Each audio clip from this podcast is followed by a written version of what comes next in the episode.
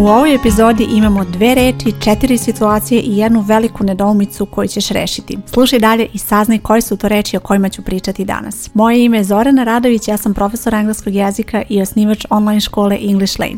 Ovo što slušaš je English Lane podcast gde pričamo o korisnim savjetima i lekcijama za učenje engleskog jezika. U ovoj epizodi pričat ću o modalnim glagolima can i could i ovi modalni glagoli često izazivaju nedoumice kada upotrebiti jedan, a kada drugi pre nego što rešimo nedoumice, prvo krećemo od jedne situacije koja je nešto što ćeš prvo naučiti kada učiš ove glagole. Imamo glagole can i could i vrlo često ćeš vidjeti da piše recimo da je can glagol moći u sadašnjem vremenu, a da je glagol could oblik tog glagola u prošlom vremenu i to znači moći u prošlom vremenu. To s jedne strane jeste tačno, znači u ovoj situaciji prvoj koju ću navesti, to jeste tako i poslušaj odmah primjere da vidiš o čemu govorim. I can ski.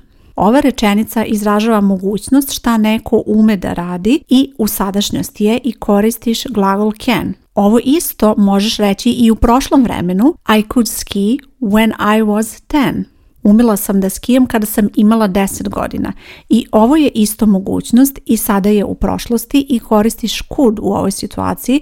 Ne možeš sada koristiti can jer govoriš o prošlosti. Ova situacija je znači kada govoriš o mogućnosti koja može biti u sadašnjosti i koja može biti u prošlosti. Ovaj glagol nema oblik za buduće vreme, bar ne u ovom obliku koji je ovdje dat, ali postoji način da ovo kažeš i u budućem vremenu, samo što će ti trebati drugi neki izraz i slušaj do kraja pa ćeš saznati i taj izraz.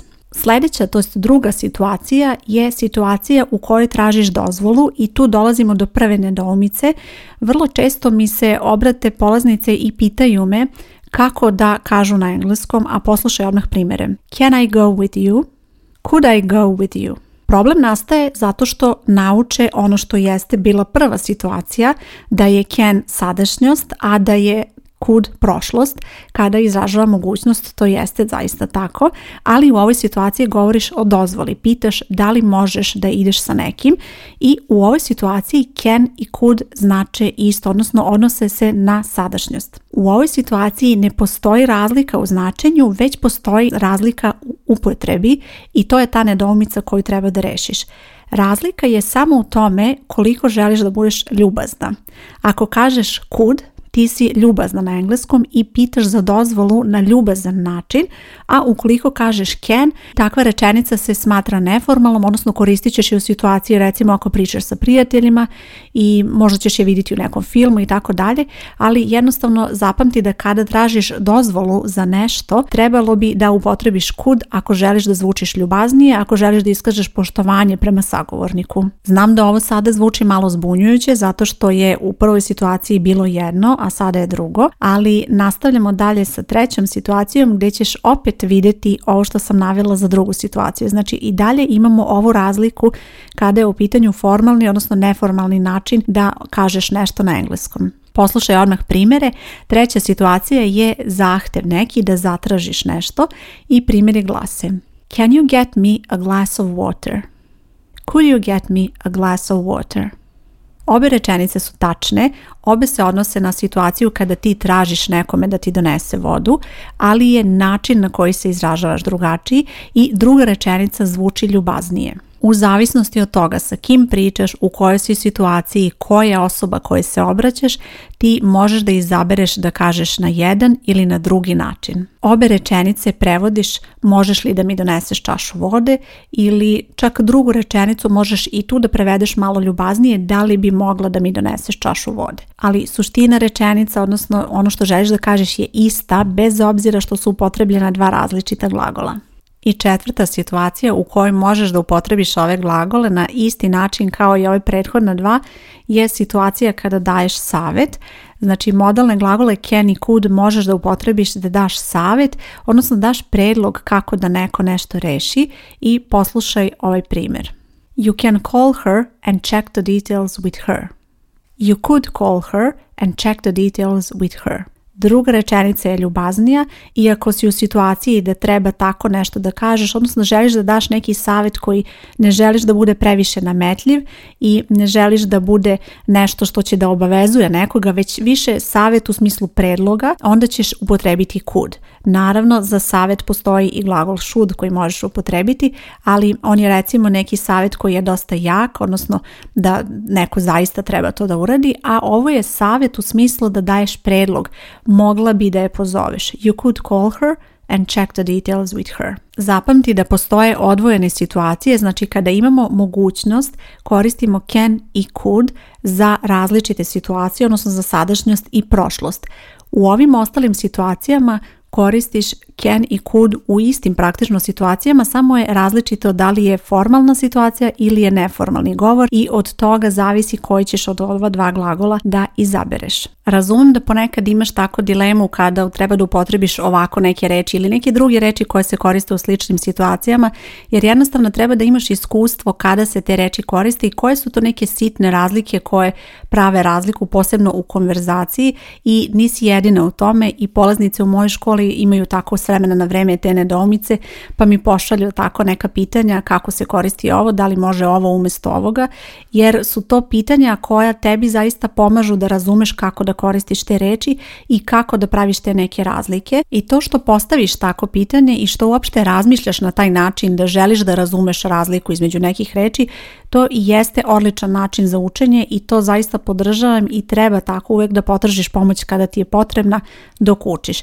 I to je razlog zašto ja u okviru moje škole uvek pružam podršku polaznicama i uvek imaju mogućnost da mi pošalju poruku bez obzira kakva pitanja imaju i kakve nedoumice. Čak i ako se tebi čini da možda to pitanje nije dovoljno bitno, da je možda neka nedoumica mala, jednostavno ako je to nešto što tebe zbunjuje, treba to rešiti i treba da imaš mogućnost da postaviš pitanje i da rešiš takve nedomice. Ako i ti želiš da nam se priključiš i potrebna ti je pomoć sa učenjem engleskog jezika, Škola se zove English Lane, u pitanju je online škola, ja sam autor svih kurseva i tu sam da pomognem polaznicama kad god imaju ovako nekih nedoumica. Pre nego što se vratim na to kako da govoriš o mogućnosti u budućem vremenu, želim još samo da se osvrnem na glagol could koji osim ovih značenja koje sam navela ovdje, znači osim ovih upotreba dozvola, zahtev, savjet može imati još neke upotrebe, ali te upotrebe su malo naprednije i nešto što ti nije bitno sada u ovom trenutku i nešto što ne pravi razliku kada je u pitanju can i could, već su to neke drugačije situacije gdje se e, iskazuju neki koncepti koji su jednostavno na mnogo naprednijem nivou i za sada ti nisu potrebni. Imaju u vidu da postoje još neke upotrebe, ali vremenom ćeš doći do njih. Za sada je ovo sve što ti je potrebno da napraviš razliku između can i could. Kada je u pitanju mogućnost, pomenula sam dva primjera I can ski u sadašnjosti, mogućnost u sadašnjosti, i mogućnost u prošlosti I could ski when I was 10. Kada želiš da iskažeš mogućnost u budućnosti, ne možeš da upotrebiš can jer je to glagol koji ne može da napravi buduće vreme, umjesto toga koristiš ovaj izraz. Be able to. Povremeno mi se dešava da se polaznice pitaju i pošalju mi poruku zašto koriste taj izraz be able to kad već imaju glagol can da iskažu mogućnost u sadašnjosti.